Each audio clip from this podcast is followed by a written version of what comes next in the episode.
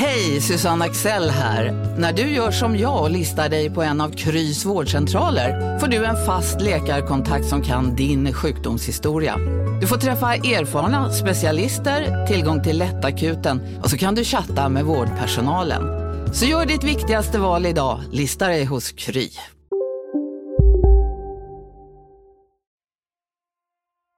Föreställ dig att du har flyttat hemifrån som 13-åring för att jaga drömmen om fotboll.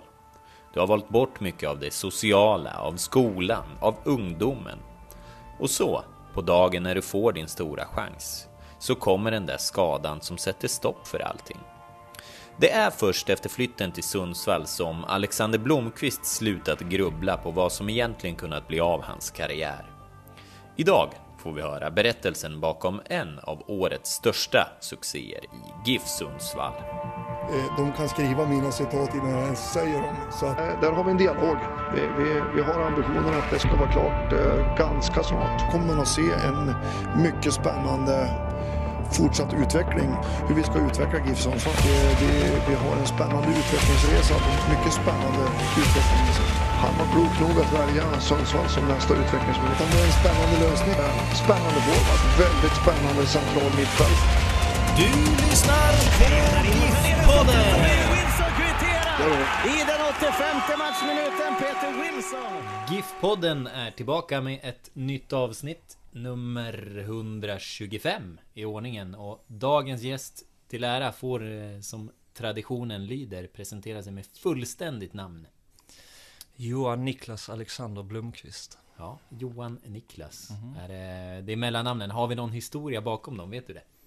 Eh, pappas brorsa heter Niklas och sen Johan vet jag inte riktigt var det kommer ifrån. För att det var vanligt kanske. Kanske det. Smidigt att slänga in. Nej, men... eh, Ja, men då har vi det utrett. Då har vi ålder på dig. 27. Och eh, smeknamn. Alex brukar det bli. Det är så jag, enkelt. Jag känner liksom knappt att jag heter Alexander utan det är Alex är mitt namn. Du har, inget, du har inget mer avancerat smeknamn någonstans? Nej, när jag var yngre så var det många som kallade mig Blomman Mm. för Blomqvist då. Men eh, det har inte hängt i liksom. Utan det har varit Alex. Ja. Ehm, frukost. En viktig fråga i faktarutan. Mm. Det brukar ju vara havregrynsgröt Mm. med någon eh, kasin och mjölk och blåbär. Så det är väl standard. Mm. Men idag var det lyxigt. Ja, idag var vi på hotellet och fick eh, finfrukost så att eh, man får passa på att- njuta då. Ja. Var, kan man dra det för lyssnarna? Var, varför, eh, varför blev det hotellfrukost för er idag? Eh, nej som vi pratade om lite innan med pandemin och så här att vi har, vi har knappt träffats liksom utanför träningsplanen och gjort grejer ihop. Så att eh, det är väl ett sätt för oss att, eh, att kunna snacka och hänga lite i en annan miljö. Mm. Ehm, familj. Mm. Jag har ju min sambo, min son och eh, en hund. Mm. Hur gammal är sonen? Han är två år. Mm. Eh, hunden har vi haft i sex år nu så att eh, han har hängt med ett tag. Hur länge? Så din sambo har också hängt med ett tag då? Mm, det är också sex år. Mm. Vi skaffade honom nästan direkt. Så. Hunden ja, Ja, inte. hund- nej, nej inte. ja. Ja, vad, ja men, och den här hunden, den ser man ju dig ute med ibland på stan. Kan inte du berätta vad det är för, för ras? Det är någon, det är någon blandning. Ja, det är en blandning. Det är golden retriever, alaskan malamut och siberian husky. Ja. Så att det är ju egentligen en hund som eh, trivs i, i detta klimatet här uppe. Mm. Någon form av mysig varg. Ja, men eh, så skulle man kunna Ja. beskriva honom. Men om den, om den då gillar det här klimatet, det måste ju liksom borga för att du också kan, kan bli kvar där. Du kan inte flytta till andra breddgrader.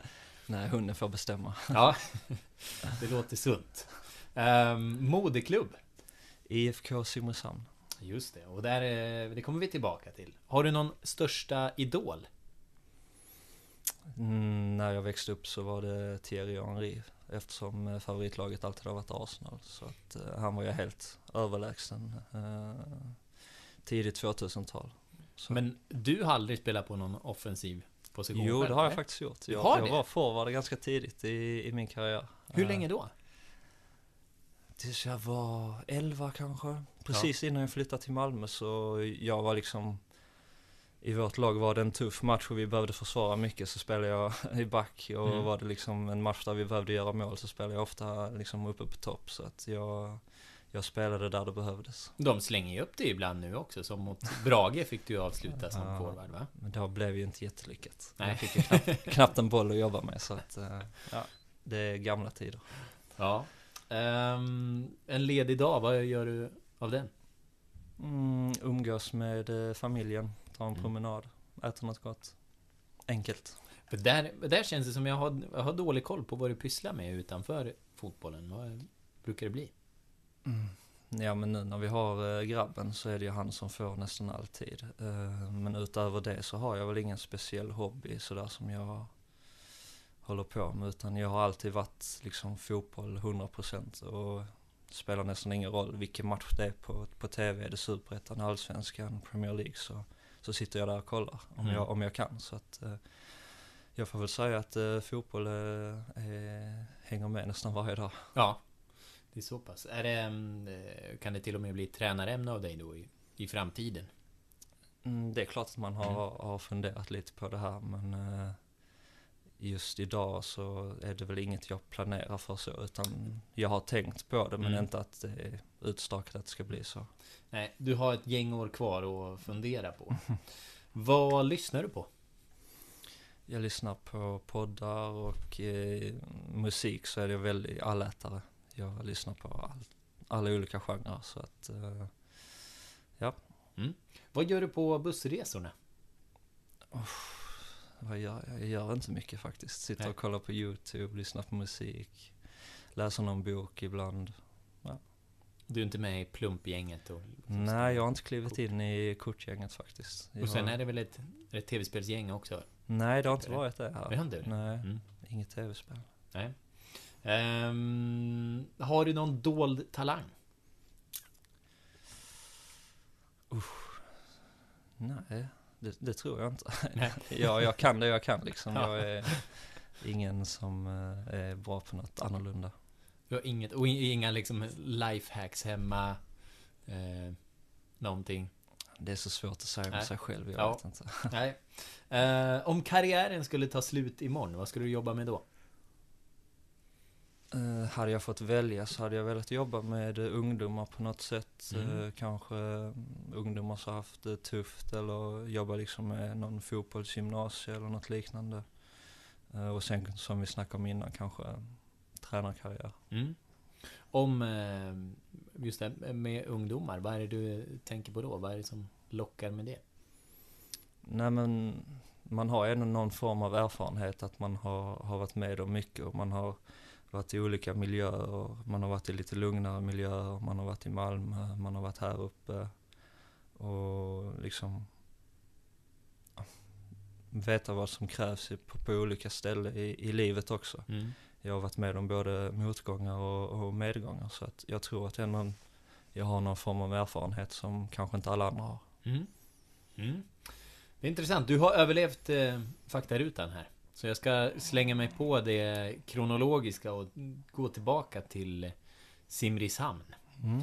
Eh, för där spelade du fram tills du var 12 då. Men eh, kan du inte berätta lite? Vad, vad hade du för relation till fotbollen där under, under pojkåren?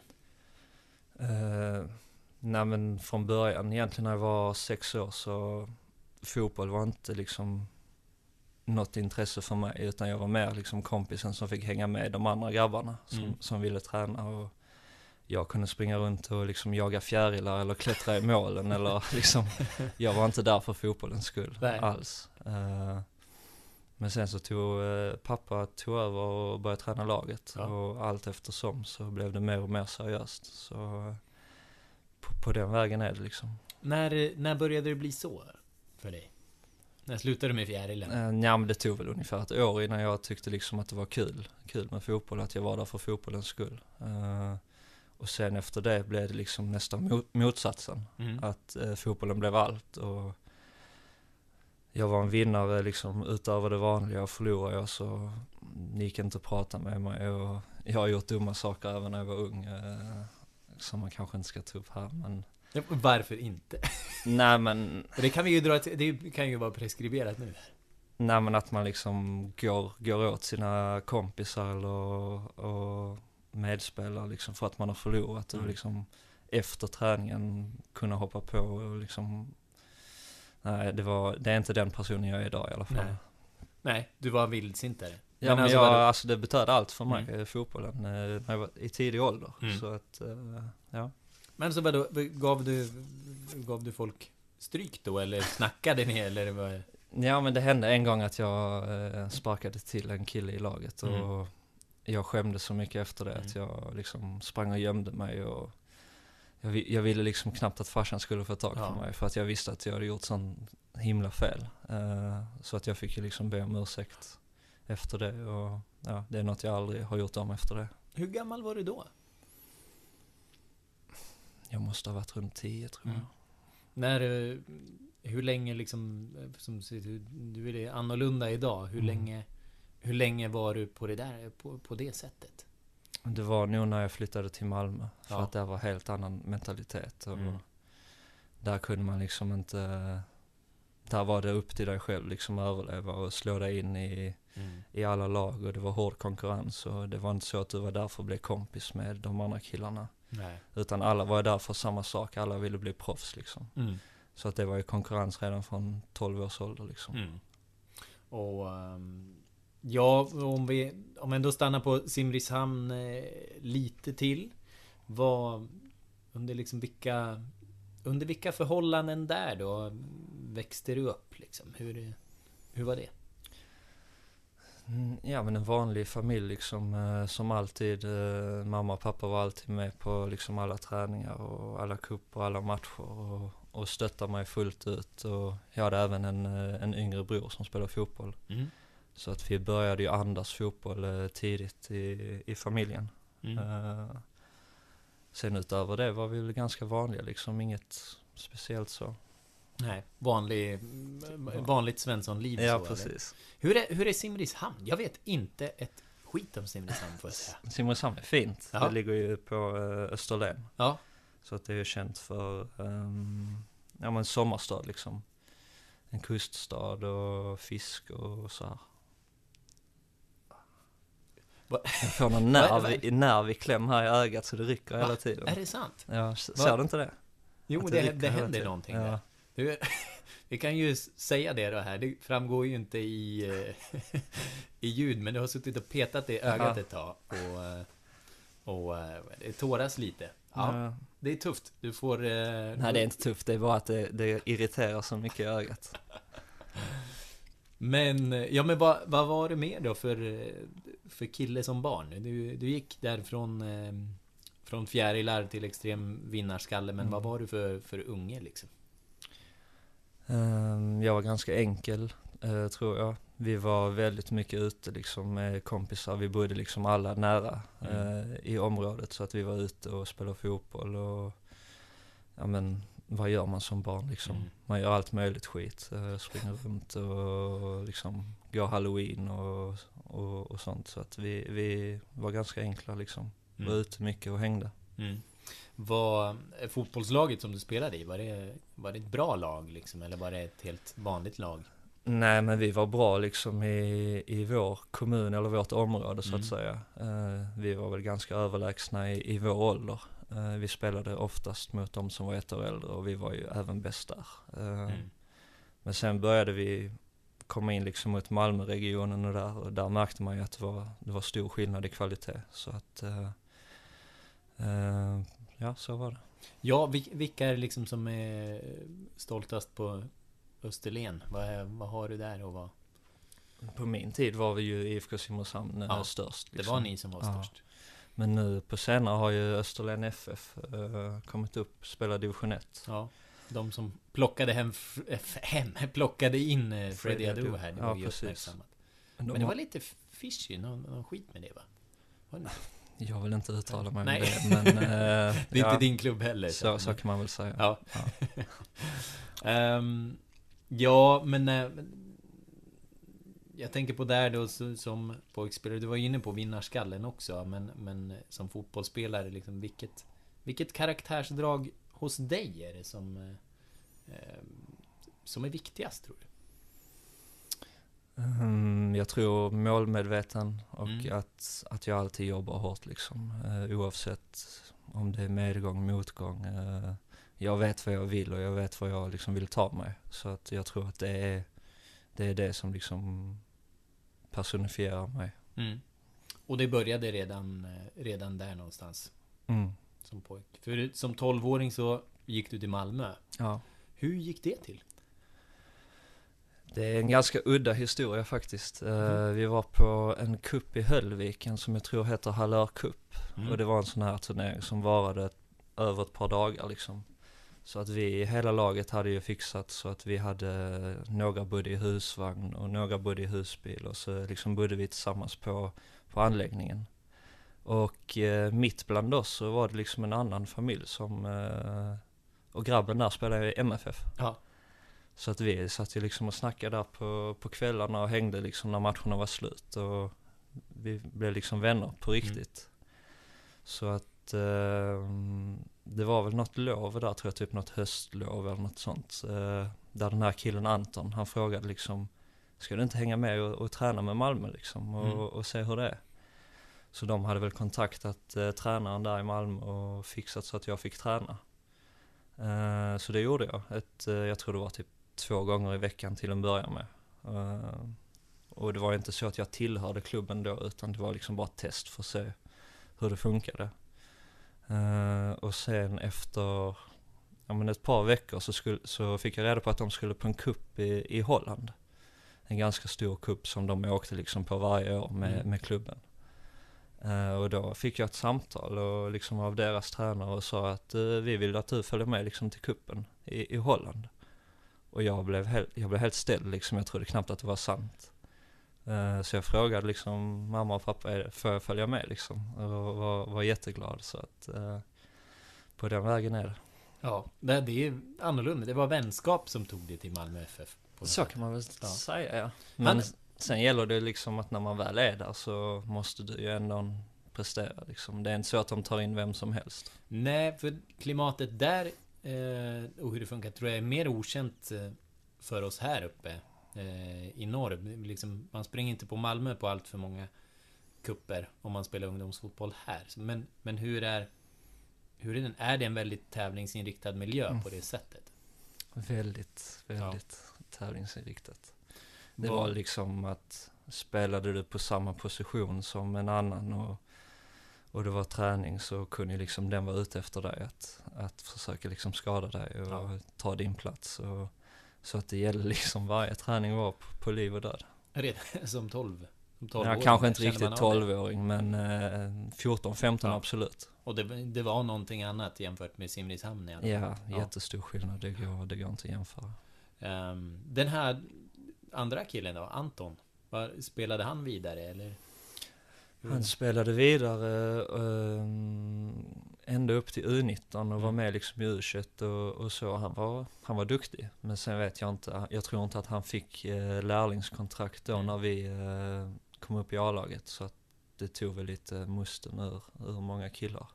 För det var något, det, var- det var ett gäng, var det sex stycken eller någonting som fick det ungefär samtidigt? Ja, var det det var jag, Pa Konat, uh, Pavel Sibicki, Erdal Rakip, Sixten Molin.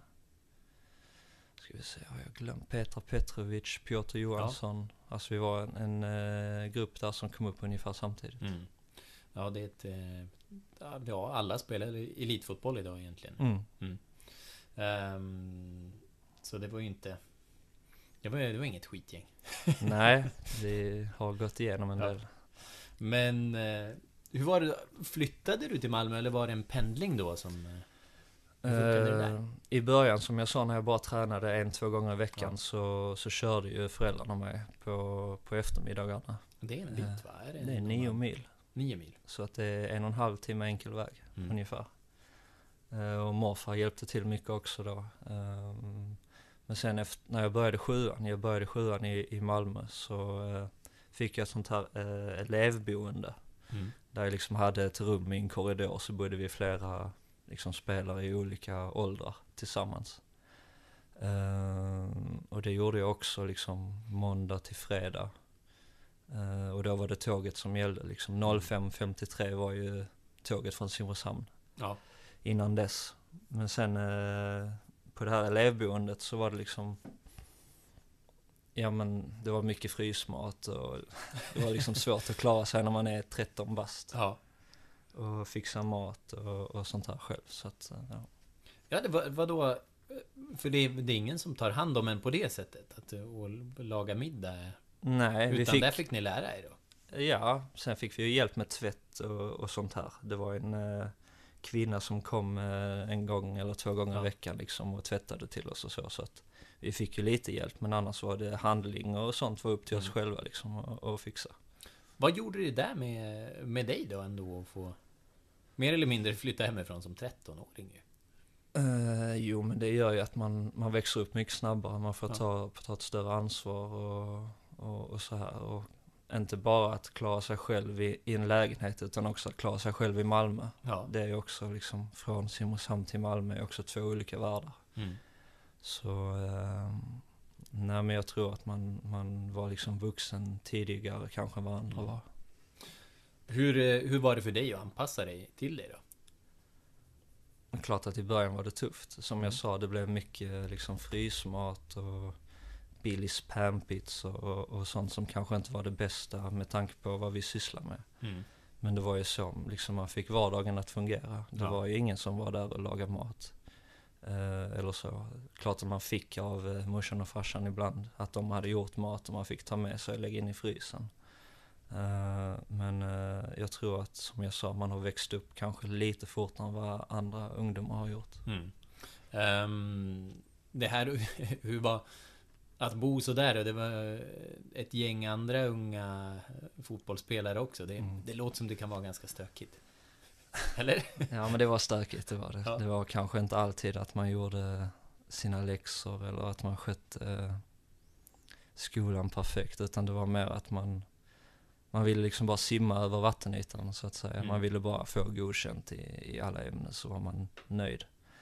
Eh, och sen gick man väl kanske inte och la sig alltid i, i rätt tid och, och så här. Vi hade något äggkrig någon gång där vi kastade ägg på varandra och vi försökte städa upp så, så gott vi kunde men morgonen efter när, eh, när den här kvinnan kom som jobbade där så synade hon det direkt liksom. Har ni haft äggkrig här? Och vi försökte liksom, nej, nej, nej.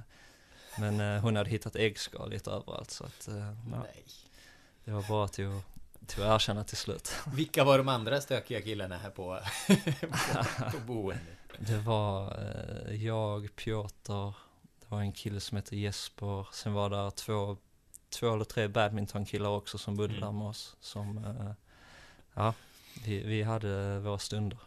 Jag tror till och med i den här... eh, Nu kommer jag inte ihåg, vad heter den? Blågula drömmar va? Som eh, den här dokumentären. Mm. Att de, de hälsar väl på där? Hälsar de inte på Piotr Johansson? Jo, de var nog ju där med Piotr och filmade Ja. lite. Det har jag också något minne av. Ja. Mm. Men hur, är han ett år yngre än dig? Han är 95 ja, Ja, så att, eh, Men han gick ju i, i vår klass så att han Mm. började ett år tidigare. Mm. Uh, Okej. Så du var, du var där i bakgrunden. Sy, syns du i blågula drömmar? Mm, tveksamt. Ja, kanske. Annars kanske vi kan hitta någon gammal Ja. barndomsfrisyr där om man, Ja, om man är det. intresserad av det. Ehm, vi... eh, Ja, men och sen då... Tiden, tiden rullar ju på här i Malmö och ehm, hur, hur går det för dig? Jo men det går bra. Jag, jag spelar ju nästan från, eller jag spelar från start i Mm. alla årskullar och kommer med i Skånelag och kommer med i pojklandslag och rullar liksom igenom U17 och U19 och sen liksom ju högre upp i ungdomsleden man kommer desto tuffare blir det ju såklart. Och när man väl har kommit upp i, i, i U19 så är ju nästan det enda man går och väntar på är ska jag få liksom chansen i A-laget eller ska jag Mm. inte? Och där fick man ju liksom lärlingskontrakt och fick vara med i, i A-laget. Så det var ju liksom allas dröm. Mm. Det var ju det man hade kämpat för sen Var du man 18 flyttade dit. då när du, när du fick det? Ja, Mm. 18. Och sen så, ja i min debut som 18-åring när jag hoppade in mot Kalmar så, så drar jag ju korsbandet efter typ fem minuter. Ja, för du bara... Du, du hoppade in men byttes ut. Jag hoppade in Precis typ efter. i 70 minuten och blev utbytt i, i 75 typ. Hur var det där? Mm, Ja, nej, där och då var det liksom, man såg ju hela karriären bara förstöras. Mm. Man hade ju aldrig haft någon, någon skada tidigare på det viset som var, som var tuff. Och man hade ju liksom offrat allt annat Mm. för att bara bli fotbollsspelare. Liksom skolan kom inte i första hand. Alla kompisar, all, all ungdom var liksom, det var fotbollen för hela slanten. Precis, du skulle ju bara hålla dig flytande i Ja. skolan. Och... Och när, jag kommer ihåg när jag liksom fick beskedet korsband så tänkte jag, är korsband? Så Mm. det första jag frågade var liksom, hur lång tid är det?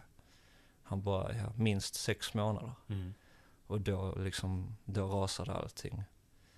Jag kommer ihåg när jag kom ut i bilen att jag, jag slog liksom i, i bilen och jag visste inte liksom hur, hur ska jag kunna fortsätta? Mm. Alltså är det slut som, som 18-åring? Eh, så att det var jäkligt tufft.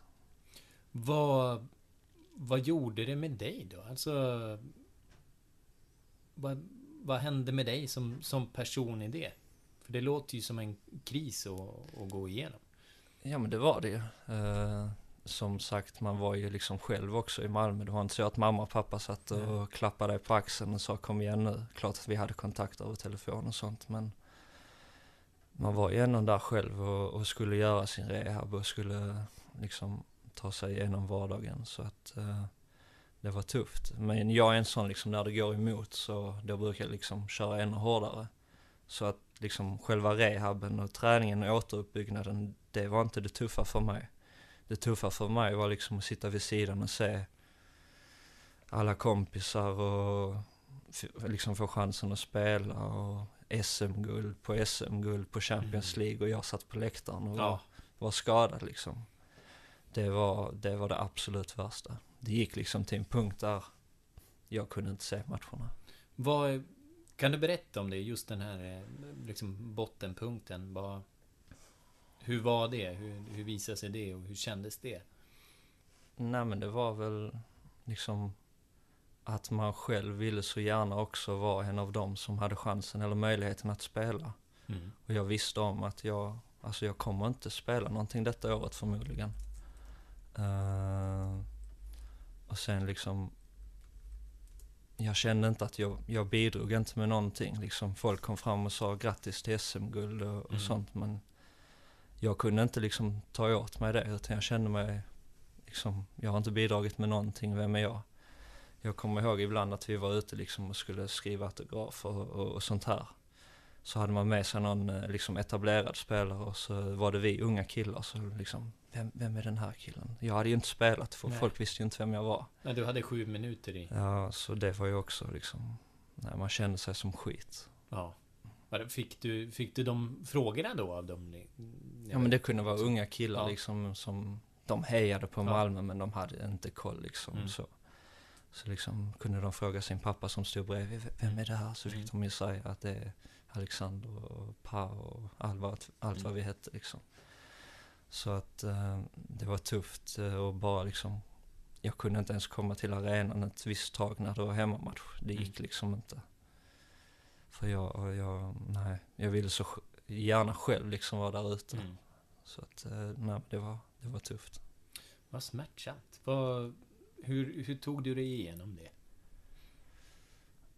Nej men som jag sa, liksom att när det blir tufft så vill jag köra ännu hårdare. Mm. Och, och liksom träningen och rehaben och det var absolut inget problem. Nej. Jag tyckte det var kul liksom att nu, alltså, sikta på nästa steg hela tiden. Mm.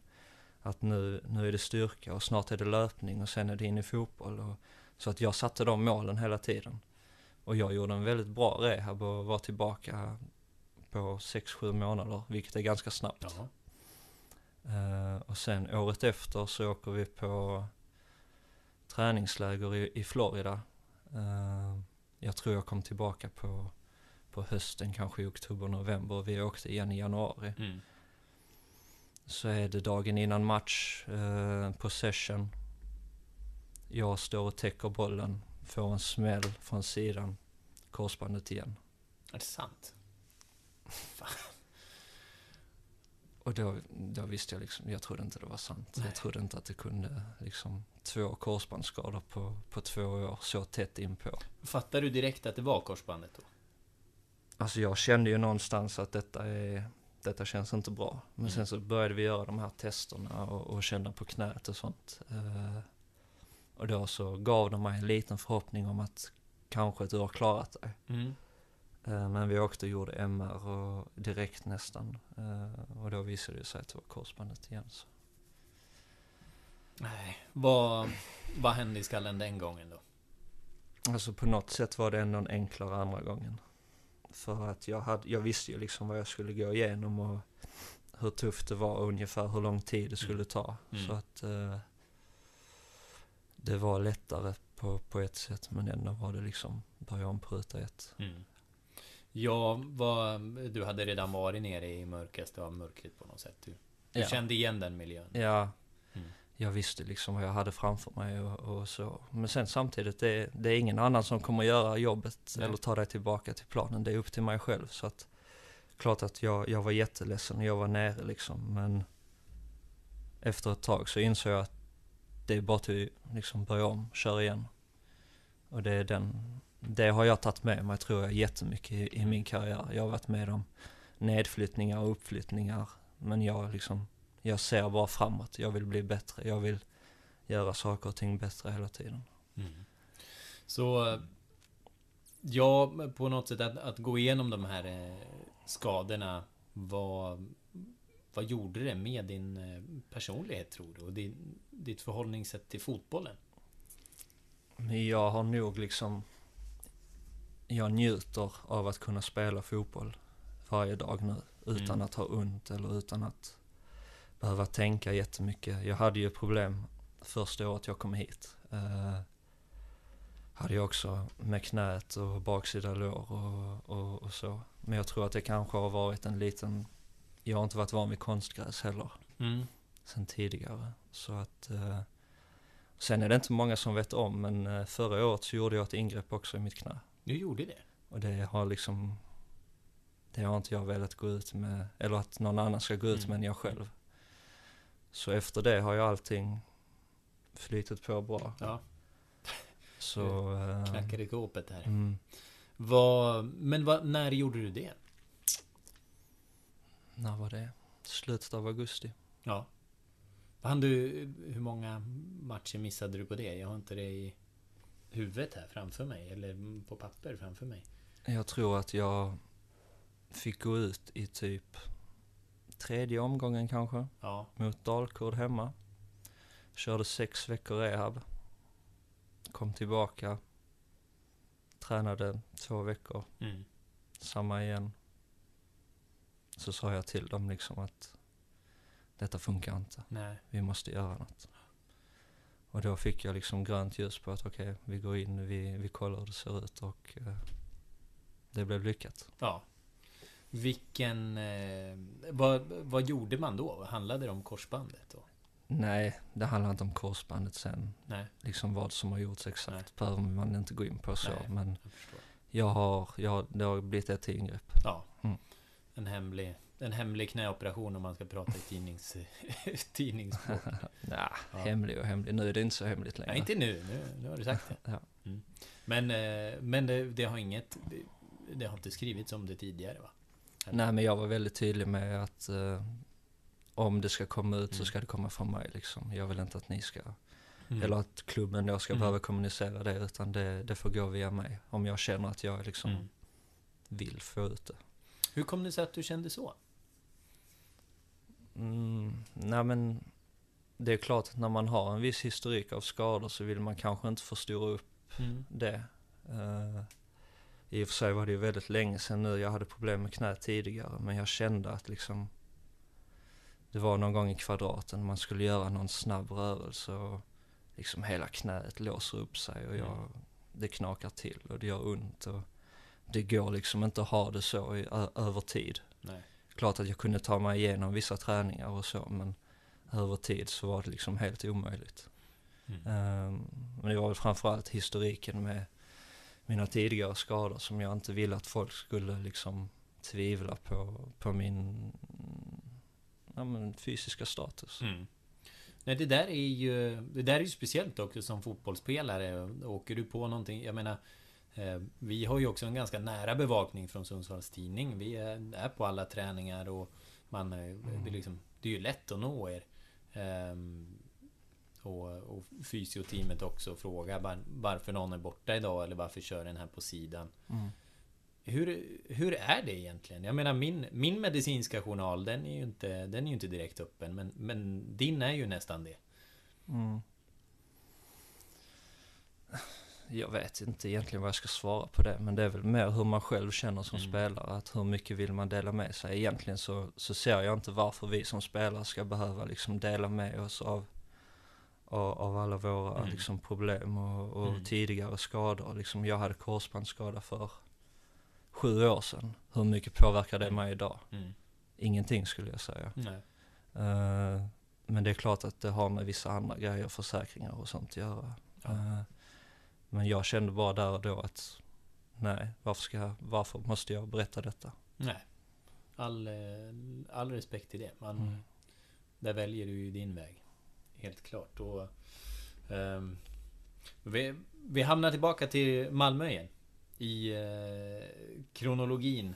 Uh, du hade debuten där och det blev, uh, det blev ju bara de sju minuterna så mm. långt. Men sen lånades du ut då efter den här andra korsbandsskadan till Värnamo. Mm. Hur, hur var det? Det var väl lite, alltså ett eget initiativ också. Eh, jag snackade med eh, min agent och eh, sa liksom att jag har inte spelat på två år. Jag behöver spela. Jag mm. kommer inte få göra det i Malmö. Mm. Och då sa han att uh, Värnamo hade varit intresserade av mig tidigare. Uh, att de hade försökt låna mig tidigare.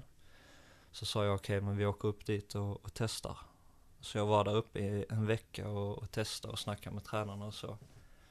Och sen efter det var det väl egentligen ingenting att tänka på utan de trodde liksom på mig och jag visste att jag skulle få speltid så att det var absolut viktigast för mig där och då. Var det Tern som tränade dem då? Nej, det 2015 var är vi. Jörgen Pettersson och Kuno. Aha. Mm. Just det. Och, och du spelade varenda sekund va? Ja, det gjorde jag. Jag fick eh, väldigt stort förtroende och det var väldigt nyttigt för mig så att jag har, har mycket att, tacka dem för. Vad var det för Värnamo-gäng då, 2015? Ja, det är väl knappt någon som är kvar idag. Det är Freddy Winst ja, som, ja, som inte som har lämnat konstant. klubben. Eh, det var Jenis Kosica som är i Trelleborg nu. Issam Jebali i Odense tror jag. Han var fin i Elfsborg. Ja, han var jät jätteduktig spelare. Ja. Sen var det eh, Martin Claesson, Tobias Englund. Mm. Jag tror det var ganska mycket liksom en mm. kärna som var från, mm. från Värnamo. Så att eh, det är inte jättemånga som är aktiva nu. Nej. Tror jag inte.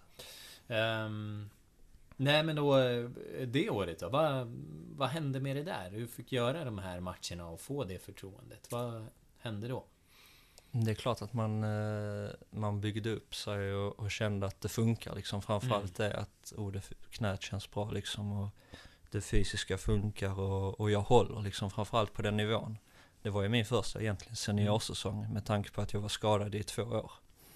Så att där var ändå ett kvitto på att även om jag var borta lång tid att, att jag höll och att det var liksom ingen tvekan på, jag behövde inte tänka på det liksom. Mm. Så det var skönt. Du hade, du hade den där nivån i kroppen helt enkelt? Minst. Ja, ja mm. men har man gått igenom eh, ändå tio år i, i MFF och deras akademi och A-lag så, så ska man väl kunna liksom ha någonting med sig. Ja, det är en bra utbildning. Ja. Så är det. Och... Ehm, men och sen då så gick du ju till Trelleborg. Var det... Hade du någon lånetid i Trelleborg eller skrev du på för dem eh, direkt efter det här lånet? Nej, jag skrev på egentligen eh, direkt efter att jag var i Värnamo. Mm. Ehm, jag hade ett snack med eh, IFK Värnamo då att om, de ville ju såklart ha kvar mig. Mm. Ehm, och jag sa att jag var liksom öppen för det. Men att vi fick se liksom, jag får landa lite i detta. Jag har gjort en säsong på lån och mitt kontrakt med Malmö gick ut. Eh, det man ska säga är också att jag efter min första korsbandsskada var att jag fick ett eh, kontraktsförslag på fyra år av Malmö. Mm. Som, jag, som jag själv valde att inte skriva på. Du gjorde inte det? Va?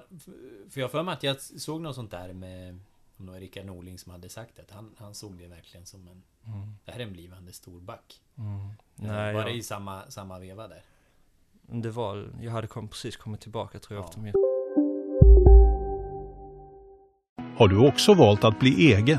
Då är det viktigt att skaffa en bra företagsförsäkring. Hos oss är alla småföretag stora och inga frågor för små. Swedeas företagsförsäkring är anpassad för mindre företag och täcker även sånt som din hemförsäkring inte täcker. Gå in på swedea.se företag och jämför själv.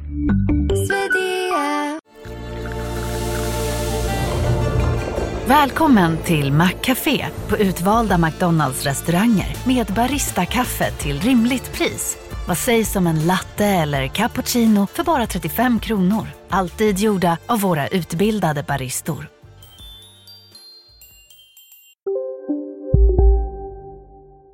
första skada och jag tror att de erbjöd oss lärlingar i nästan alla fyraårsavtal. Varför sa du nej då? Jag kände bara att jag hade svårt att se mig själv slå mig in Mm. i, i Malmö med tanke på skadan och med tanke på, på konkurrenssituationen som var då. Det var nästan tre landslagsaktuella mittbackar i, i truppen och jag, jag är liksom ingen spelare som vill sitta på bänken hela Nej. min karriär. Jag vill vara med och bidra. Jag vill spela som jag sa tidigare också. Så att, eh, nej det kändes inte rätt eh, för mig att göra det då. Även om många hade säkert tyckt att oh, du, du har ett kontrakt med Malmö i fyra år, fan vad häftigt eller fan vad coolt. Men jag vill vara med och bidra, jag vill inte sitta på bänken. Tufft. Det, det är inte alla som skulle kunna ta det, det beslutet, liksom säga nej till fyra år i MFF. Nej, är, men eh, så blev det och jag Ja. tyckte ändå att med facit i hand så, så har jag nog gjort, gjort rätt. ja. Även om man aldrig kan gå tillbaka i tiden och Nej. vad hade hänt om inte detta hade hänt. Nej, men då blir man knäpp. Ja. Det Hade jag inte blivit skadad när jag var 18, hade jag suttit i Sundsvall Ja. 2021 då. Har du, har du varit en sån som har eh, grubblat och ältat i den frågan? Jag gjorde det för ett par år sedan. Mm. eh, vad som hade kunnat hända om jag inte hade blivit skadad. Mm. För jag tappade ju ändå två år av Mm. min karriär. Ve- I liksom helt fel ålder och, och, och göra det. Det är liksom där man slår sig in och blir ett namn och liksom kan skjuta därifrån. Ja. Eh, så att det var, nej, jag har grubblat, det har jag gjort. Mm. När, när har du bestämt dig för att sluta grubbla? Eller har du gjort det? Jag har gjort Mm. det nu. Nu är liksom, jag är nöjd med, med vad jag är och vad jag har åstadkommit och, och känner mig stolt över att jag har gått igenom det jag har gjort och fortfarande kan spela på elitnivå. Mm. Som, som vi snackade om innan, att jag har spelat varenda sekund liksom Mm. i år också. Och jag har ändå blivit sju år äldre. Mm. Så att jag har verkligen byggt upp någonting. Hur kom du till eh, insikten eh, då att du, du kan vara stolt över dig och acceptera där du, där du är? Det har nog varit här i tiden i Sundsvall. Mm. För jag hade ju också en, en tuff start med eh, mycket problem och mycket skit. Mm. Och sen nu när jag har fått kontinuitet och kunnat spela och kunnat träna varje vecka, träna varje träning utan att liksom ha ont eller att känna att fan det känns inte bra, det kommer inte hålla. Utan nu är det verkligen på topp. Ja. Så att, eh, nej det känns jättebra. Va, det blir man ju väldigt glad över att, att höra för, för din skull med, med den historiken. Att, man kan resa sig. Ja. Det är bara liksom, vilken resa vill du göra? Vill du Mm. lägga dig ner och ge upp eller vill du fortsätta att köra och tro? Mm. Ehm, det är, har, du, har du liksom någon gång med tanke på att det låter som det har varit ganska tufft och att det har varit ett grubblande. Har du eh, tagit hjälp någon gång för att liksom prata om det här? Eller vem har du reflekterat med? Nej, jag har inte tagit hjälp av någon Nej. speciell. Det har mest varit liksom, familjen har alltid varit där. Mm. Eh, och sen, som jag sa liksom, jag, jag kör framåt. Jag Mm. vill bygga upp, jag vill ta nästa steg, jag vill jobba hårt. Sen vart det tar mig, det får vi se liksom. Men Mm. jag, jag gillar att liksom knyta näven och köra. Mm. Och um, Trelleborg eh, kom upp där i alla fall. Hur var, hur var avskedet till, eh, till Malmö? Var, var det några känslor i det? Det är klart att man har byggt upp en hel ungdom och mycket fotbollsspelande i, i staden och klubben så att på något sätt så klart att det kändes man ville ju inte att det skulle ta slut på det sättet som det gjorde. Mm. Men det var nödvändigt att det gjorde det. Så att jag känner mig ändå liksom, när jag lämnade, att jag var klar liksom. Jag är jättetacksam och glad över att jag tog chansen att flytta dit så tidigt som jag gjorde. Och den utbildningen i, i Malmö är liksom det bästa i Sverige skulle jag säga. Mm. Så att eh, jag har dem att tacka för mycket men eh, min tid var liksom slut. Mm. Och eh, TFF, var det Patrik Winkvist som hade dem då? Mm. När du skrev på? Hur är, vad, vad presenterade de för dig liksom? Vad, vad sa de? Eh, nej men de var ju nykomling då eh, när jag kom dit och deras vision var väl först och främst att etablera sig i, i Superettan och eh, personligen så var de ju väldigt tydliga med att jag skulle få en ledande roll i laget, att jag Mm. skulle få spela mycket och, och vara liksom en av de viktigaste spelarna. Så att eh, det var liksom ingen tvekan heller på det utan det köpte jag. Men, och det var, det kändes som ett uppköp från, från Värnamo då? Eller steg i sidled? Eller vad? Det var ju liksom samma serie Mm. egentligen. Men eh, det är klart att det var ju lite närmare hem också. Mm. Eh, socialt ska det också kunna fungera om man ska trivas och, och allt det här. Så att med hela paketet och vad de erbjöd så kändes det liksom som rätt steg. Mm. Ehm, och ni, eh, där också som sagt, du, eh, du är ju super, superordinarie Mm. och startar mer eller mindre varje match och spelar mer eller mindre varje sekund under de här tre åren. Mhm. Ni tar också klivet upp i Allsvenskan. Ja det gör vi. Mm. Ehm, det var väl kanske inte helt väntat. Jag tror att vi hade en ganska tuff start på den här säsongen. Jag tror inte vi var med i toppen efter, eller innan sommaruppehållet. Men sen på hösten så radade vi upp massa segrar och liksom började närma oss topplagen. Vilket jag tror var BP och Dalkurd. Mm. Eh, Men det slutade med att vi fick eh, kvalplatsen Eh, och, och mötte Jönköping då i kvalet. Lyckades vinna hemma med 2-0 och sen eh, visste vi om att bortamatchen där mot Jönköping kommer att bli extremt tuff. Eh, Och de startar ju liksom, de är att liksom över oss redan från start och har skott i ribba och skott i stolpe och vi har lite flax i, i början. Eh, Men sen så gör jag tror det är Dino som gör ett mål där i tidigt i andra halvlek och då måste de göra fyra så att sista halvtimmen var ganska behaglig. Mm. Och, och ni, tar, eh, ni tar klivet och du får göra till slut då, så får du vara tillbaka i Allsvenskan. Jag fick ju ta en rejäl omvända eh, och, och Ja, jobbar mig uppåt men eh, Det blev 2018 istället för 13. ja exakt. Mm. Det blev ju ett par år för sent men eh, ja, så kan det gå. Ja, men, eh, men den där säsongen då i, eh, i Allsvenskan, det- det var ganska tufft i Trelleborg då. Ska man vara helt ärlig så vi var inte tillräckligt bra för Nej. att kunna klara oss kvar i, i Allsvenskan det året. Det är bara till att inse och jag tror kanske egentligen att det var något år för tidigt för klubben också Mm. att ta steget upp så att men man ska inte ta ifrån oss det vi gjorde liksom året innan att vi, vi lyckades vara topplag och vinna kvalet och, och allt det här men kvalitetsmässigt så, så räckte vi inte till i, Nej. i Allsvenskan. Nej. Ehm, men du hamnar i GIF Sundsvall till slut, Mm. trots allt. Du följer inte med laget ner i Superettan. Eh, hur kom övergången upp? Um, jag hade väl hört om intresset från eh, agenten eh, ett tag. Och sen så liksom, jag tror det var i februari någon gång. Så sa han att nu liksom, nu händer det någonting mellan, mellan klubbarna. De har kontakt och det ser ut som det ska kunna lösa sig. För jag hade ju avtal fortfarande med eh, Trelleborg så att eh, det var ju inte upp till mig helt och hållet vad, vad jag ville utan de skulle ju komma överens också. Så att, eh, men när väl klubbarna hade kommit överens och, jag fick möjligheten att komma upp och, och besöka och, och, och så här så var det ingen tvekan från min sida Mm. med tanke på också vilken succé det hade varit året innan här i, i Sundsvall och vilken fotboll man spelade. Vilket var inte vad jag var van vid. Så att jag såg liksom det som ett sätt för mig att utvecklas vidare, att, att få testa på något nytt. Jag kommer ihåg det här också. Jag, jag kommer ihåg besöket. För eh, ja, Urban hade ju med dig där på, på läktaren, mm. om det var vid någon träning. Ja, i Nordikallen. Eh, ja, jag fångade er på bild. Mm. Blev det dålig stämning? Eller, för det var inte riktigt klart då. Nej. Nej. Men det var kanske inte den svåraste bilden att ta heller. Nej, nej det, var, det var ganska synligt. Ja. Det var inte, han gömde det inte. Så. Nej, nej. nej. Blev det dålig stämning? Nej, det tycker jag inte. Han, eh, alltså, jag fick ju se lite av staden och, mm. och, och kolla på träningen och, och, och så. Så det var, det var en bra, bra dag. Mm.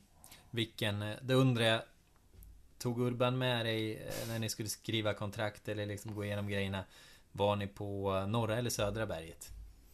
Mm, inte, han, när vi skulle, han, inte när vi skulle skriva kontraktet. Men lunchen, men, lunchen ja. var uppe på Södra berget. Det så det är väl en riktig ja. klassiker här uppe. Ja. Att, jag att tror Pa gjorde det på Norra berget va? Okej, okay, mm. ja, där ser man. Ja, men jag hörde att det var något snack här i omklädningsrummet också innan jag gick hit att uh, Stensson hade nog också varit på Södra berget. Ja.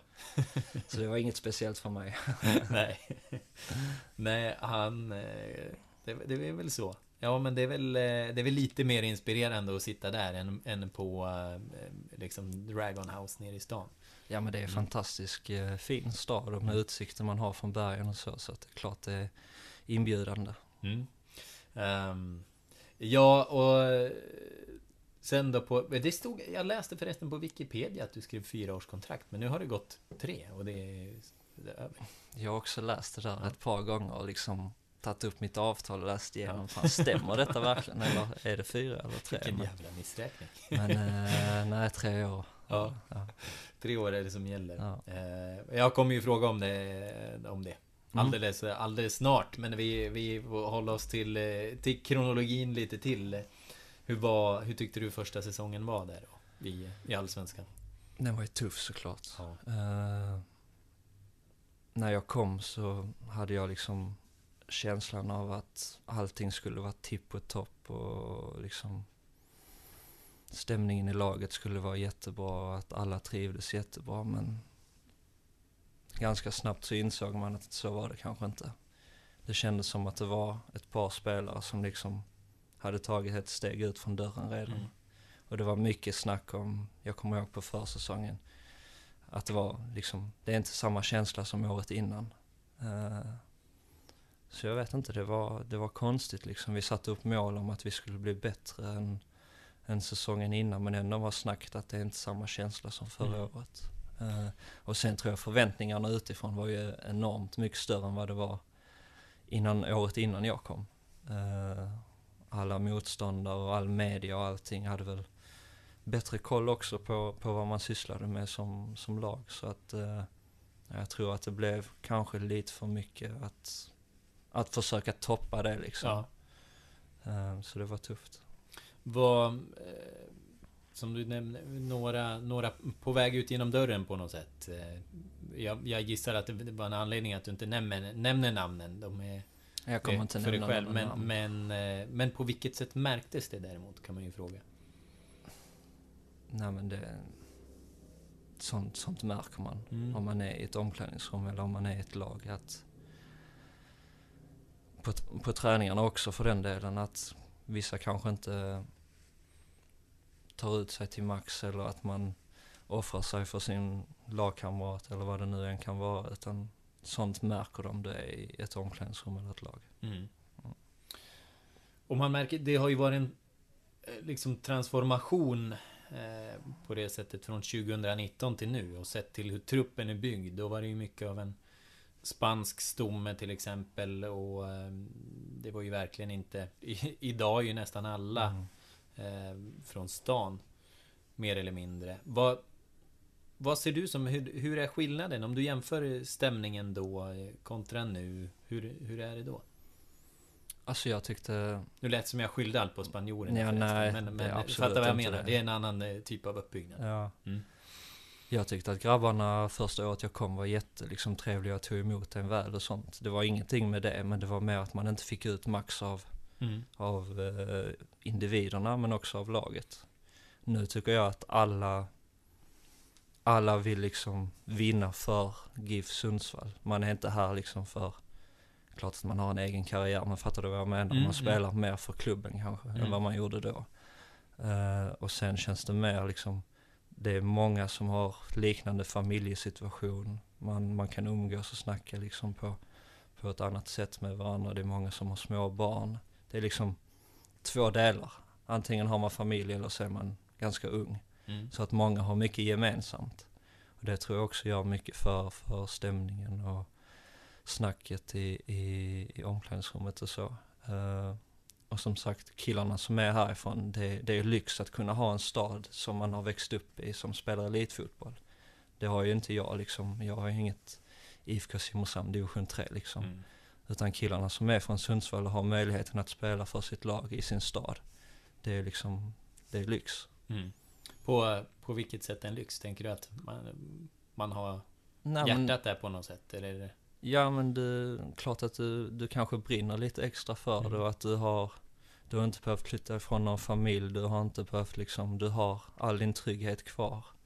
Eh, och, och på det viset så tror jag också att man bygger något, ett band. Mm. Men med det sagt så varje gång liksom som jag eller Erik Andersson eller Andreas som inte är härifrån. När vi tar på oss matchtröjan så betyder det ju lika mycket för oss som det gör för killarna som är från staden. Jag vill ju liksom, jag vill göra allt för att vi ska vinna. Och där tycker jag också att vi har kommit en bra bit i utvecklingen, liksom vad som krävs för att vinna matcher. Du behöver inte spela fantastisk fotboll och spela liksom 500-600 passningar eh, varje match för att vinna. Utan du kan göra mål på en kontring, du kan lägga dig lite lägre och försvara ditt mål. Så den utvecklingen tycker jag framförallt att, att vi accepterar mer liksom matchsituationer där inte vi dominerar totalt hela tiden. Mm. Vi kan vinna på olika sätt och det är, det är nog den största liksom, skillnaden på planen tycker jag. Mm.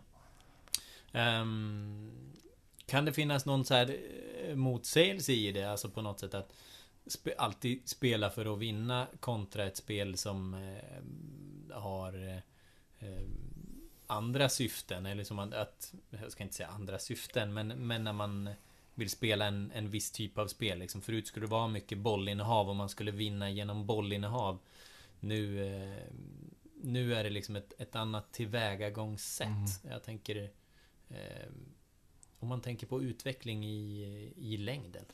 Kan, det, kan man alltid spela på det här sättet, tror du? Alltså hade jag fått välja så hade jag ju velat spela 600-700 passningar i laget och vunnit varje match. Det är Mm. såklart det absolut bästa och roligaste. Men jag tror att när vi kommer upp på liksom A-lagsnivå och, och så, så i slutändan så är det resultat som räknas. Om vi, vi inte skulle, liksom, om vi hade åkt ut eller om vi inte hade lyckats med de målen som vi satte upp så hade det liksom gått tillbaka på resultaten och inte Mm. på vilket sätt vi spelar på. Men det är klart att hade jag själv fått välja, hade alla andra i laget fått välja exakt hur vi ville, så hade vi ju såklart velat spela tiki-taka och vinna varje match och, och hålla i bollen. Men det är också liksom, vilka spelare har det i en trupp? Vilka egenskaper har de här spelarna? Hur utnyttjar man det bäst? Vi har ju liksom seriens kanske två snabbaste forwards och de behöver liksom inte ha, ha bollar in framför sig på, på fötterna utan kan vi sätta en boll bakom motståndarnas backlinje så får de en mot en och kan göra någonting utav det. Så att det gäller liksom att, att hitta alltså, styrkor Mm. i, i spelare och i, i lag. Mm. Hur... eh, För, eh, hur har det gått till med att liksom hitta de här eh, styrkorna på något sätt? För där är det ju den här säsongen, för där hamnar man väl nästan nu i kronologin också. Där har det ju varit ett, ett omslag. Eh, har det skrivits om och, och pratats om i hur ni spelar i början av säsongen kontra eh, vad det har förvandlats till under säsongen. Hur, du som spelare, hur, hur har den där förvandlingen gått till? Det har ju tagit ett tag innan Mm. vi har hittat rätt, Mm. tycker jag. Um, framförallt så har vi väl bytt formation som också har bidragit till eh, att vi får ut mer av, av varje spelare och får ut lite mer av laget i, i slutändan. Men eh, alltså i början av säsongen så kändes det liksom som att visst vi kunde hålla i bollen men det var mycket, mycket i backlinjen och vi, vi skapade inte riktigt de här målchanserna som man behöver för att vinna. Och nu när har vi fått upp liksom en gubbe till lite högre i banan och kunnat hota på flera olika sätt. Så att eh, jag tycker att formationsändringen har nog varit en stor del i liksom utvecklingen av spelet. Mm. Um, har den, hur, hur, liksom, hur kom det fram till er på något sätt? Är det, är det eh, Henke och Brian som har sagt Vet ni vad, nu ska vi göra så här? Eller har gruppen varit mer inblandad i att hitta det där? Eller? Nej, alltså jag vet inte. Personligen så har inte jag varit med i något beslut liksom och, och förändra någonting. Men jag tror att det är upp till tränarna. Ja. Vi som spelare kan inte liksom hålla på och bestämma hur vi ska spela. Utan vi får ju följa coacherna och deras idé och, mm. och, och så. Men jag tror att de, jag vet att de lägger ner extremt mycket tid på att analysera matcher och, och titta på klipp och sånt. Så att uh, jag tror inte att det är liksom mm. något som har skett över en natt. Utan det har väl liksom varit på gång men sen har det nått vägs ände liksom med, med det andra systemet och då har de känt att nu gör vi detta istället. Mm. Um, jag tänker också, apropå förvandlingar, det är ju en uh, häftig förvandling defensivt också på något sätt. Förra året var ni ett av lagen som släppte in mest mål. Nu är ni bland de eh, tätare och framförallt nu på slutet och, och efter mm. formationsbytet kanske. Vad, Fan, du är i mitten av det där. du är ju ankaret där bak. Vad är det som, eh, vad är det som har hänt? Uh, nej men... Ja.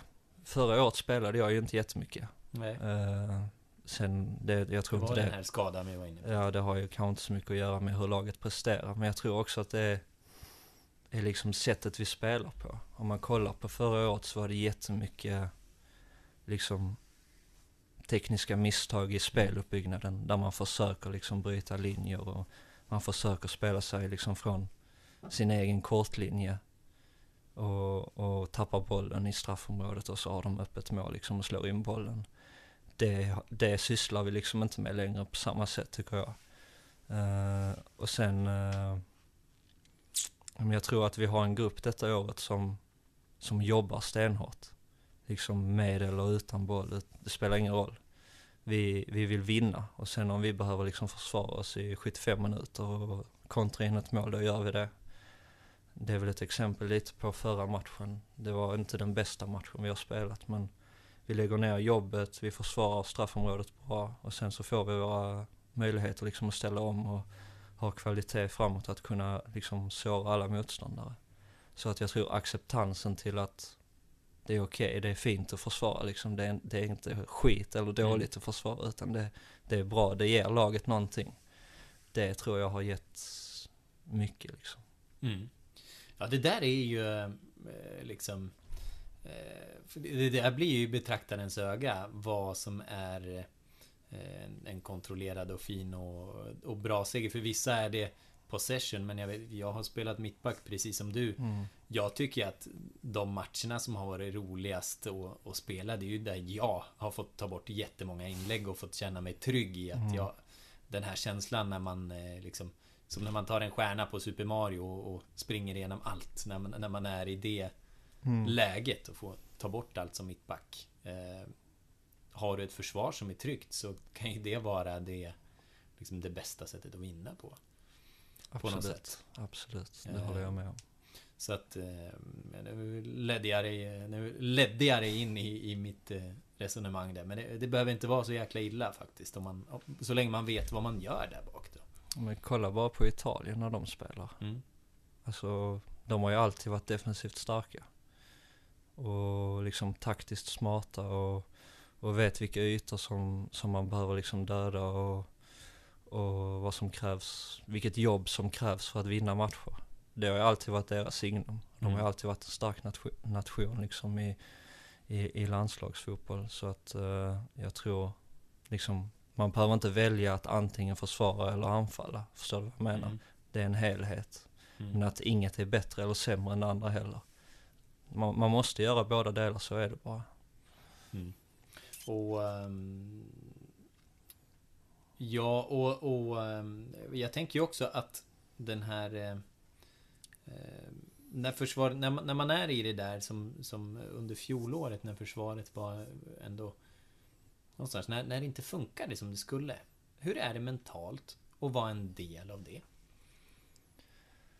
Alltså jag tror kanske att man inte litar på sin lagkamrat till 100%. Mm. Det tror jag gör mycket också att fan nu, eh, nu ska vi lösa någonting här på egen planhalva. Kommer, mm. han, kommer han klara det eller kommer han tappa bollen eller, eller hur, hur ska det gå liksom? Nu är det mer liksom, kommer bollen på, på vår egen planhalva, den är i luften så är det liksom okej okay att skicka, skicka bollen ja. uh, upp på läktaren. Och så tar vi hem hela laget och så får de inkast och så börjar de om därifrån.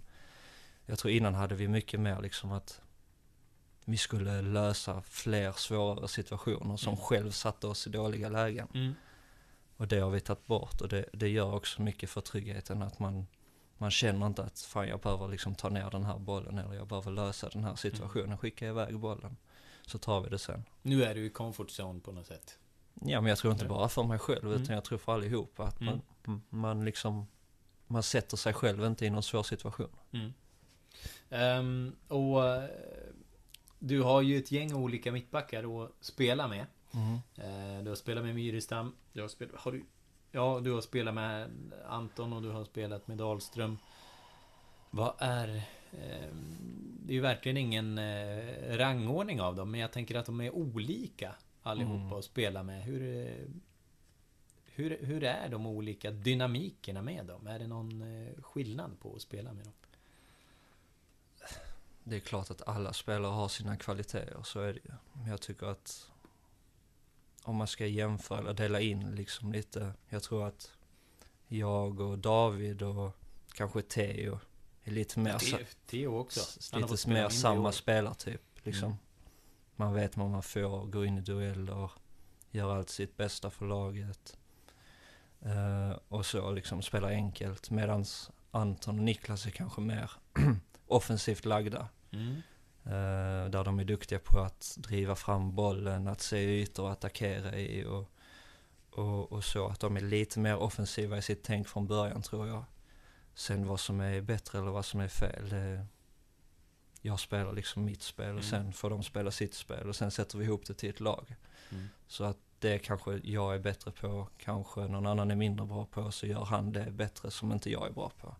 Så att alla spelare har sina olika kvaliteter. Mm. Um, nej men och det, det, där är intressant. Det tycker jag eh, när man har spelat med olika mm, mittbackar. Att eh, även om jag har spelat med eh, mittbackar som har varit eh, liksom väldigt, väldigt bra. Så, så kan det ju vara skillnad på sättet eh, hur jag själv får utmärka mig.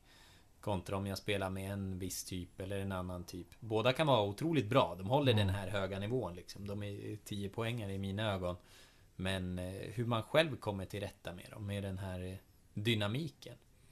Eh, kommer du mer, mer till rätta med, med någon liksom, eller?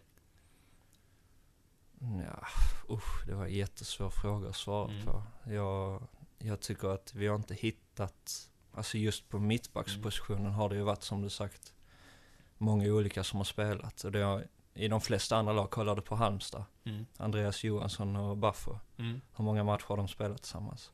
Hur lite mål släpper de in? Liksom jag tror också att vill man bygga någonting på sikt så är det viktigt att man lär känna sig liksom kemin däremellan och samspelet och så. Men jag kan inte svara på liksom om jag har bättre kemi med Niklas eller David utan mm. jag spelar liksom mitt spel och sen mm. sätter vi ihop det. Mm. Jag förstår det. Och eh, Vi hade en lyssnarfråga apropå eh, och det handlar ju om eh, att vara tre eh, mittbackar kontra två. Eh, hur upplever du skillnaderna mellan en traditionell fyrbackslinje och att spela som en av tre centrala försvarare? Har du någon preferens där? Och varför i så fall? Eh, spelar man fem eller då tre mittbackar så, så blir det ju ofta att mittbackarna som spelar på sidan blir ofta nästan som centrala mittfältare. De går upp väldigt tidigt och kliver och är aggressiva och vinner boll.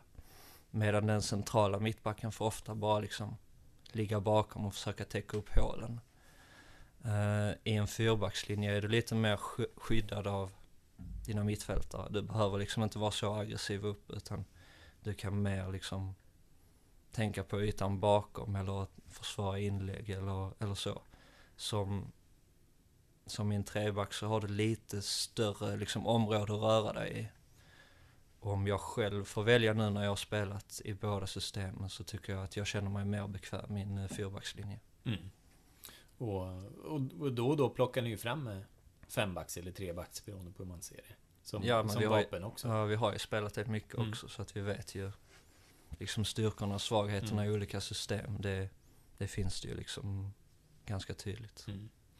Styrka i det där också, att kunna växla mellan olika. Som Norrby, när det inte... Där funkar det ju faktiskt inte med fyrbackslinje.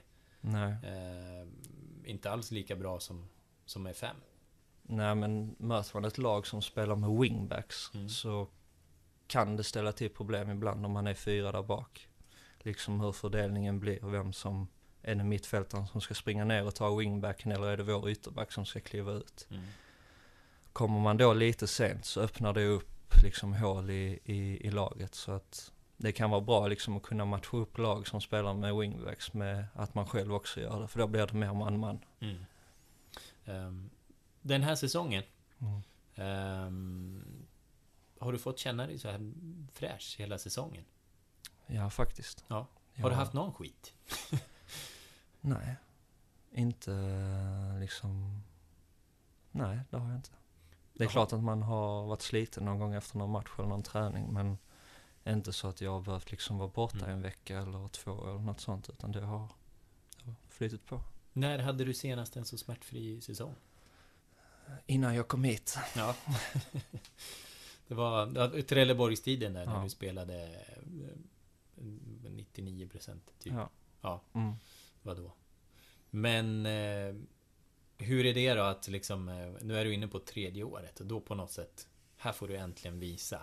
Jag menar första året tvärtungt, andra året skade personligen, mm. tredje året nu här. Här får ni hålla tätt och du får vara... Här får du verkligen blomma. Ja. Alltså skador och så här kan man inte liksom påverka eller veta om du ska få eller, eller så här. Men det är klart att när du får träna och spela vecka ut och vecka in så bygger du upp någonting och klart att det är skönt att, att det går bra men jag har inte sett liksom att jag behöver visa upp mig för, för någon eller för något utan det handlar mer om att spela bara och sen så löser resten sig själv. Mm. Ju mer man är vid sidan ju mer tappar man.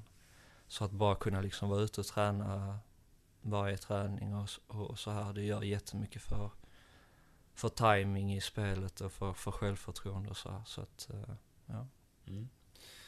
Um, hur hemma har Sundsvall hunnit bli på de här snart tre åren? Vi trivs jättebra. Uh, både jag och sambon och hunden och, och, och sonen. Hunden framförallt hunden trivs jättebra. Ja. Nej men vi, vi känner oss nöjda med, med tillvaron och, och socialt och så här. Så att uh, livet rullar på bra och fotbollen känns bra och ja, vi, vi trivs. Mm. Och eh, kontraktet nu då som eh, går ut. Jag mm. måste fråga dig, vad, vad händer? Uh, nej men som alltid så finns det ju olika parter som ska komma överens. Uh, så att vi har väl diskuterat ett tag och vi är väl inte, det är väl inget som är klart men det börjar närma sig. Mm. Vad, vad, vad lutar det åt då? Alltså, det kan vända så snabbt i, i mm. fotbollsbranschen. Man kan bli skadad eller, eller något sånt här imorgon så jag, jag vågar inte svara på det men som jag sa att vi, vi trivs bra med, med familjen och fotbollsmässigt känns det bra så att jag kan absolut tänka mig att stanna. Mm. Um, var, går det att säga någonting om var, var bollen ligger? Mm, nej men det är väl upp till till klubben och, och, och försöka liksom hitta något eh, avtal som gör att vi, vi kommer överens. Mm. Uh, men, men du är där i alla fall? Du är öppensinnad inför, ja, inför absolut. Giffarna? Mm. Jag är, vi trivs jättebra. Så. Mm. Um, om man tänker liksom sett till uh, vad, vad drömmer du om fotbollsmässigt nu? Jag drömmer om att få vara med och bidra eh, och ha en viktig roll i ett lag och kunna känna att man är en del av ett väloljat maskineri om man får uttrycka sig så. Mm. Det är väl det jag... Jag har släppt det här med att jag vill utomlands eller jag vill till den klubben. Jag vill bara liksom vara här och nu och Mm. spela ett lag som fungerar. Vad, vad intressant. Vad, när, när och var och varför har du, har du släppt den tanken? Man, man blir äldre ju såklart. Eh, och man, man har annat att tänka på än bara fotboll 24-7. Man har en familj som ska, ska trivas, man har en son man vill ge tid och, och allt sånt där. Så att fotbollen är viktig såklart, men det är inte allt. Mm. Det, det låter lite annorlunda än, eh, än den här 11-åringen som går och sparkar sina lagkamrater. Ja, då var det verkligen allt. Ja. Ehm, Men nu är familjeekvationen är viktig där. Ja, såklart. Det är det viktigaste av allt Mm. i, i livet, att man trivs och att man mår bra.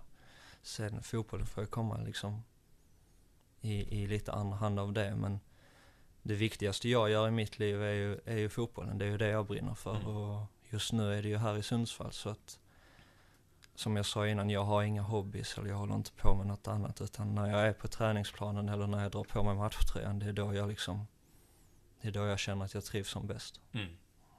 Ehm, eh, ja, och eh, vi får se helt enkelt. Vi får, eh, vi får hålla ögonen öppna inför det här. Och eh, när det här kommer ut, och då är det några dagar kvar till, till Östermatchen. Eh, vad, hur går tankarna inför det?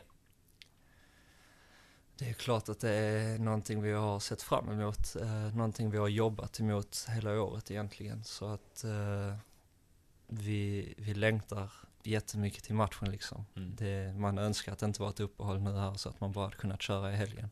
Men samtidigt, vi har en motståndare att respektera och de har varit jättestarka här på slutet också. Så att eh, det kommer inte bli en lätt match.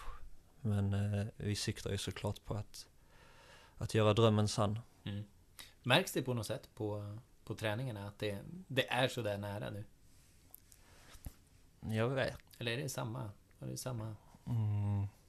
Svårt att svara på. Vi är lediga nu här tre dagar så att jag tror ändå att folk kopplar bort det lite. Men när väl måndagen kommer och att det är dags för en ny träningsvecka så, så tror jag liksom att alla kommer vara fullt fokuserade på att vi ska göra en så bra match som möjligt. För att vi vill ju, vi vill ju lösa det själva. Vi vill inte vara beroende på vad som händer i de andra matcherna.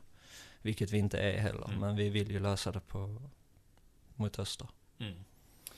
Ja. ehm, vi har en till eh, lyssnarfråga som jag tycker var väldigt eh, viktig att, att få ha med. Och eh, den här från Edith Einarsson som hör av sig eh, inför, inför mer eller mindre varje podd ska jag säga. Om du för resten av din karriär måste välja en av dessa egenskaper men tvingas att även spela i nämnde spelares hår. Eh, Så kommer tre alternativ här då. Van Dijks svepande passningar och hår. Eh, fick jag googla då. Van Dijk har... Eh, eh, Vad, vad enades vi om att kalla det? Det, det är någon form av eh, afrohästsvans, Ja. typ. Eh, David Luiz frisparkar och hår. Och så Carles Pujols aura inklusive hår. Det är en tuff fråga faktiskt. Ja. Eh, men om jag ska tänka på vad som är viktigast i min position så, så hade jag nog valt uh, Carles Puyol. Ja. Auran, eh, Ja. auran och håret. Ja, Mm. Det hade suttit bra för mig va? Ja. Men eh, hår genom, eh, genom karriären, det har du det har passerat några frisyrer. Ja det har det gjort. Mm. Som vi pratade om tidigare så har jag väl en hemsk eh, frisyr när jag var i Värnamo. Eh, men annars har det väl sett ungefär likadant ut. eh, på senare tid i alla fall. Ja. Jag åt eh, innebandyfrisyrshållet. Ja, någon hockeyfrilla eller jag Mm. vet inte riktigt vad det liknar. Ja, men det funkar på planen. Ja, det funkar. Så länge man kan ta bort sina inlägg Ja. med skallen så är det bra. Ehm, vi närmar oss eh, 80 minuter ungefär Och eh, jag tänkte att vi ska, vi ska börja runda av. Men hur har det här varit Alex? Mm, det har varit bra. Det har Mm. varit trevligt. Uh, friska upp sina minnen lite och själv kunna reflektera lite över sin karriär. Så att, eh, ja, det har varit bra. Det tycker jag har varit väldigt fint att få, att få lyssna på det också. Eh, Så jag tackar för din tid helt enkelt. Tack själv. Så eh, säger vi eh, på återseende. Det gör vi.